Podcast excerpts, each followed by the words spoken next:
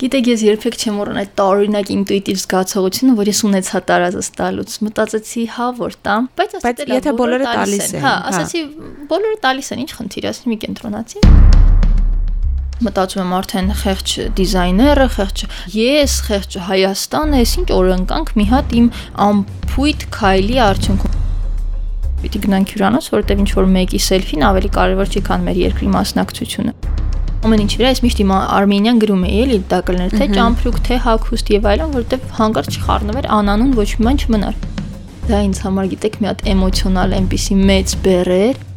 իրանց մի հայ տղա էր աշխատում Տիգրանը ինքին շատ օգնեց այդ ուտելիքների հարցում երբևէ չէի պատկերացնի, որ գեղեցկության մրցույթները կարող են այսպիսի խնդիրներով հագեցած լինել, բայց միևնույն ժամանակ այսպիսի հաճելի պահեր քեզ ապարգևել։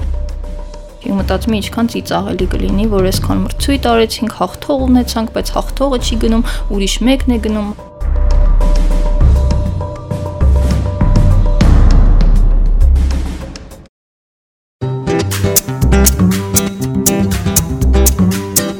Բարի օր սիրելի ունկնդիրներ, դուք լսում եք Կարճ ասած ոդքասթը, ես Մարիամ Ղարդյանն եմ։ Միս Տիեզերք Հայաստան 2021-ի հաղթող Նանե Ավետիսյանը ժամանակին մտածել է, որ գեղեցկության մրցույթներն իր համար չեն։ Երևի թե հենց այդ կետից էլ սկսել է ամեն ինչ։ Երևի նկատել եք արդեն բարձրահասակ լինելու պատճառը, երևի ամենաշատը դա է լսում, որ դու չես զբաղվում մոդելությամբ, իսկ ինչու չես զբաղվում, անպայման զբաղվիր, դա քո տեղն է։ Կյանքում բազմաթիվ կարծրատիպերի է հանդիպել։ Գեղեցիկ, այո, ոչ ոք չի վիճում, բայց խելացի դա արդեն այլ հարց է եղել շատերի համար, որովհետև ինչպես Նանեն է ասում, եթե գեղեցիկ կին են տեսնում, մտածում են գեղեցիկ է եւ վերջ։ Նա չի կարող եւ չպետք է լինի խելացի։ Ես հիշում եմ, որ ես աշխատում էի մեծ օֆիսում ու ամեն օր աշխատանք էի գնում գեղեցիկ շպարված, հարդարված, բարձրակրունկներով եւ կոկի քակնված։ Կարծրատիպ էր ձևավորվել, որ դե գեղեցիկ աղջիկ է պարզապես։ Գոլեգաներից մեկի հետ խոսում էինք ու պատմեցի դիասպորտի հանդեպ իմ հետաքրքրությունից, պատմեցի իմ համալսարաններից, թե ինչքան լավ եմ սովորել, որ 4 լեզվի եմ տիրապետում եւ այլն։ Ասաց՝ «Վայ նանե, ես ապշած եմ, փաստորեն դու գեղեցիկ լինելուց բացի նաեւ խելացի ես»։ Դա երևի թե պետքա հնչեր որպես կոմպլիմենտ, բայց ընդհակառակը դա այդ պահին ինձ համար շատ տարօրինակ օրինակեր։ Հայաստանում մրցույթում հաղթելու վարքյանից Նանեն գիտակցել է, որ Իսրայելում կայանալիք մրցույթի ընթացքում նա ոչ թե Նանե է լինելու, այլ Արմինիա։ Դե էլ չասենք, թե ինչ պատասխանատվություն է վերցրել իր ուսերին։ Բոլորն ուրախ էին, նանեն վստահ, որ Հայաստանը ներկայացնելու է պատվով, բայց Միստիեզերք մրցույթին մոտենալու հենց առաջին քայլերի ժամանակ էլ սկսում են նրա ցախորթություններն ու դժվարությունները։ Գիտեմ, որ հենց գնալու ճանապարհին, եթե իհարկե ոչ մինչ դա, ինչ որ անհաջողություններ, ցախորթություններ չստացված բաներ են եղել դու չես կարող երբևէ կանխատեսել թե ինչ դժվարություններ կբերի իր հետ այդ մրցույթին մասնակցելը։ Մինչև իմ մրցույթի մեկնելը կար խնդիր COVID-19 իրավիճակի հետ կապված, ես պետք է մեկնեի Իսրայել եւ երկիրը շատ խիստ էր, կային որոշակի սահմանափակումներ, օրինակ պետք էր որ երկրորդ պատվաստումից, պատվաստման երկրորդ չափաբաժնից անցած լիներ երկու շաբաթ։ Ինձ մոտ ստացվում էր երկրորդ չափաբաժնից անցած է լինում 3-4 օր։ Առաջին շոթը ստացել էի հոկտեմբերի, անգիր հիշում եմ այս թվեր հոկտեմբերի 20 26-ին, երկրորդ շոթը պետք է ստանայի նոյեմբերին եւ այլն եւ ես պետք է նոյեմբերի 27-ին էլ մեկնեի մրցույթի։ Բոլոր կողմերից ինձ ասում էին, որ պետք է չեղարկես մրցույթին մասնակցությունը, անգամ արդեն մտածում ենք ուրիշ աղջկա ուղարկել, ով պարզապես ունի այդ պատվաստումը, որովհետեւ գիտեք, երկիրն ունի իր օրենքները, մանավանդ Իսրայելը այն երկիրը չի, որի հետ կարելի է բանակցություններ վարել այդ մասով, շատ խիստ է այնտեղ ամեն ինչ։ Եվ ես մի ձեռքով օր կար զանգում էի արտգործնախարարություն, մյուս ձեռքով հիպատոսարան, այն մյուս ձեռքով Իսրայելի արտգործնախարարության հետ էի կապի մեջ առողջապահության նախարարություն փորձում է այդ խնդրին լուծում տալ։ Նանես, մինչ այդ դու չգիտեիր օրինակ, որ այդպես պետք է լինի պատվաստումների Հա, թե պատվաստվել էր առաջինը, հետո parzvեց որ Չէ, չէ, ես հաղթեցի մրցույթը եւ մեզ ասացին, որ պետք է պատվաստվենք ու ես մտածում եի որ պատվաստման խնդիրն է ես կհասցնեմ այսինքն իմ ժամկետներով որոնք որ ես դասավորել էի ես հասցնում էի պատվաստումը բայց հետո մենք ստանում ենք մեյլ հիշեցնում ենք ձեզ Իսրայելում օրենքը այնպեսին է որ բացի պատվաստումից ձեզ պետք է նաև 14 օր անցած լինի ինչ արեցիք այդ 14 օրվա հետ ահա այսա շատ լավ հարց է իրականում արդեն մոտ 10 օր երևի մնացել որ պետք է մեկնեի մրցույթի ու այդ խնդիրը կանգնած կոկորթիս ու ես չգիտեմ դա կլուծվի, չի լուծվի, ինչ պետք է լինի։ Բարեբախտաբար մեր առողջապահության նախարարությունից Գևորգ Սիմոնյան ինձ տեղեկացրեց, որ մենք ունենք օրենք, որը թույլ է տալիս Սա էլ նաև ի գիտություն լսողների ճամփորդությունների դեպքում պատվաստման երկրորդ շոթը, այսինքն չափաբաժինը ստանալ 4 օր շուտ նախատեսված ժամկետին։ Եվ ես գնացի այդ 4 օր շուտը առաջ գցեցի։ Բայց լրանում էր ժամանակը։ Իհարկե չէր լրանում։ Դիմեցինք Միստ Եզերքին, ասացինք, որ միջնորդ եք այսպեսի խնդիր կա, Միստ Եզերքն ասաց, ոչ, ավելի լավ է չգաք կամ ուրիշ մասնակից ուղարկեք։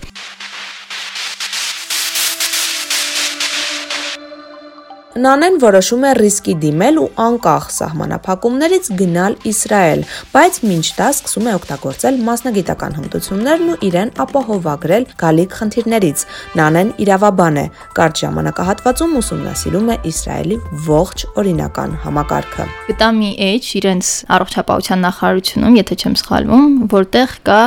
բացառությունների կոմիտե։ Ու ասում է, քեզ պետք են ցփ ցփ ցփ ցփ այս պահանջները, որովհետեւ դու մտնես Իսրայել։ Բայց եթե պահանջներից մեկը չի ամբողջությամբ դիմիր բացառության կոմիտե, եթե քեզ տան թույլ տվություն կգնաս։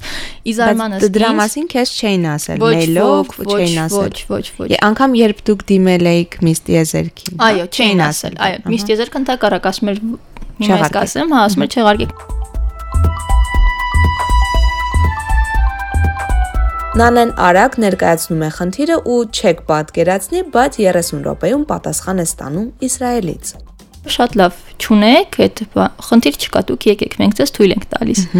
Ու ես ուրախ, սենց արդեն պատկեսիկ ինձ համար են, որ խնդիրներս լուծվել են եւ այլն եւ այլն։ Դիմում ենք միստ եզերքին, ասում որ մենք ստացել ենք թույլ տվություն, մենք ունենք եւ մենք գալիս ենք, ոնց որ ընդունեք, որ Հայաստանը մասնակցում է։ Բայց միստ եզերքից հայտնում են, որ Իսրայելի հետ քննարկումների արդյունքում եկել են այն եզրահանգման, որ այդ թուղթը վավեր չէ։ Կարճ ասած, ինչ արել չէ կարել, լավ է կարել, բայց Հայաստանը չի կարող մասնակցել մրցույթին եւ վերջ։ Ես թուղթս ձեռքսում, բայց ինչպես թե վավեր չէ, ախր դու այդ ժամանակ Հայաստանում ես։ Այո, ես դեռ Հայաստանում եմ, այստեղ ասում եմ սևով սպիտակի վրա գրված, դուք կարող եք գալ, ես ամբողջ իրավիճակը բացատրել եմ, գրել եմ մանրամասը, բայց հենց էտա որոշում ենք դիմել ռիսկի, մտածում ենք ինչ լինում է, թող լինի։ Այսինքն ուղակի այսպես ասած, վեր եք կենում եւ գնում այո, Իսրայել։ Այո, 16 շամ թռնում եմ, հասնում եմ аэроպորտ, արդեն իջել է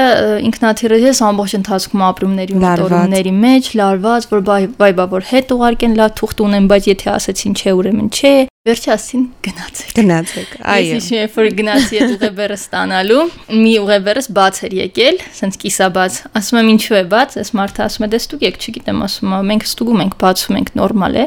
Ու ես միակ բանը, որ ստուգել եմ, որ տարազիս այդ ատրիբուտները տեղը լինեն,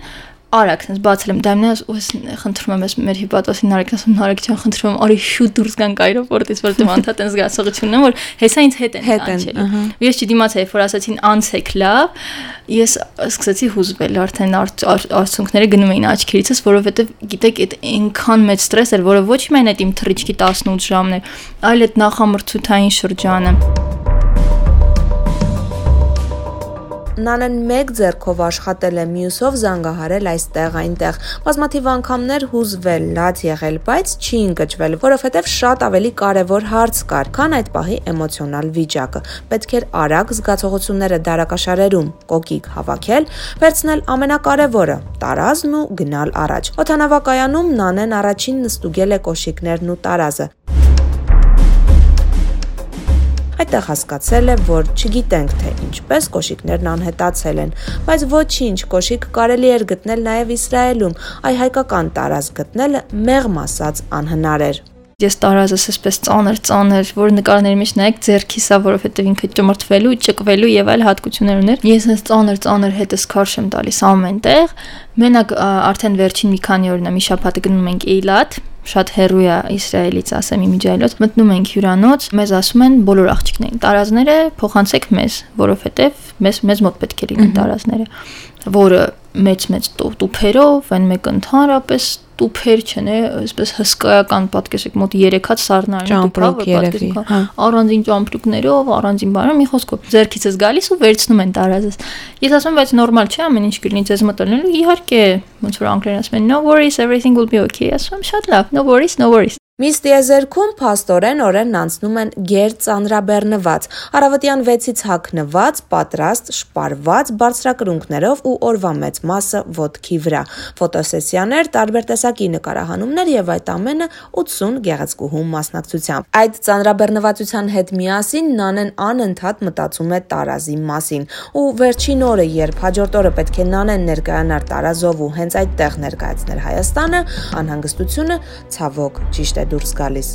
Ինձ է մոտենում մեր ուղեկցորդուին, ասում որ Նանե ջան կմոտենաս մի րոպեով, ասում, հա ինչ է պատահել։ Բա կարծես թե քո տարազը չենք գտնում։ Ես ասում այսինքն չեն գտնում, հա Նանե ջան, տարազը չկա, մենք պետք է փորձենք հասկանանք ինչ ենք անելու։ Միայն քոնը Նանը։ Միայն իմը, միայն իմը։ Ու ես արդեն ամեն բան մտածում եմ, ասում եմ հաստատ ինչ որ մեկը վատություն է ուզում Հայաստանին անել, հաստատ մի մտածված բան կար այստեղ, ինձ է մեղադրում ասում ես զգում եմ ես չպիտի տայի տարազը ու ես պատկերացրեք հոգնած, սոված մի հատ էլ ասեմ սոված, որովհետև ինձ համար շատ մեծ խնդրեմ է Նանեն այդ ժամանակ ինչ ասես արել է։ Խնդրել է նայել հյուրանոցի տեսախցիկներով, ստուգել ամեն հնարավոր տեղ, բայց տեսնելով կազմակերպիչների հայացքները հասկացել է, որ արդեն ամեն բան ստուգել են։ Տարազը չկա, ու հենց այդ պահին որոշում է բարձրանալ իր սենյակ։ Ես բարձրանում եմ դարակ, որ բացում եմ, որ տեսնում եմ տարազը հենց այդ նույն տոպրակով կախած։ Գիտեք ինչ զգացողություններ ոնց որ չգիտեմ, ոնց որ հարություն առած մարդուն ոնց կնայես, չէ՞ որ գիտես արդեն վերջ, մահացել, գնացել է, բայց մեկ էլ տեսնում ես դիմացդ կանգնած է։ Ու ես այդ պահին հիշում եմ ոնց էի, ես sense համ ուրախացել, համ ջղայնացել, որովհետև չեղած տեղից մեծ պատմություն։ Պարզվում է, այս հյուրանոցի աշխատակիցները, որ վերցրել են ինձ առաջնորը տարազը, փոխանակ տանեն տան կազմակերպիչներին, իրենք մտածել են երևի վերարկու է կամ մի բան այդպես բարձրացրել են սենյակ, բայց խելոքները որոշել են մի հատ նեղություն չտան ինձ, միանգամից կախեն դարակի մեջ։ Ես էլ դետատվել եմ իմ ուկրաինուհուն, ուկրաինուհիս էլ այդտեղ կախել է միայն իր երեկոյան զգեստը, որը պետք է հակնի ելույթի ժամանակ եւ այլն ու այսինքն այդ դարակը մեզ մոտ չէր բացվել իմ ընկերուհին էլ այդտեղ ինձ հետ մաներ գալիս անհանգստան մեր եւ այլն բայց երբեւե մտքներովս չի անցել որ դա կլինի դարակի մեջ Կարճ ասած, չնայած հոգնածությանը, սթրեսային վիճակին, Նանեն մեկ է երկար ճանապարհից հետո կարողանում է Հայաստանը պատվով ներկայացնել Իսրայելում։ Դեպքերից հետո էլ Գեղեցկուհին որոշում է յուրաքանչյուր խնդիր ունի առնվազն 3 լուծում, որոնցից մեկը հեշտ է, բայց ոչ ճիշտ, երկրորդը ճիշտ է, շատ դժվար, ու երրորդը քո մտածողության վրա ոնց կարողանում ես գտի։ Ընտրեք այն լուծումը, որից հետո դուք ձեզ լավ եք զգալու, որից հետո դուք մի աստիճան վերև եք բարձրանալու, ոչ թե 3 աստիճան ներքև, չնայած ձեր խնդիրը լուծվեց։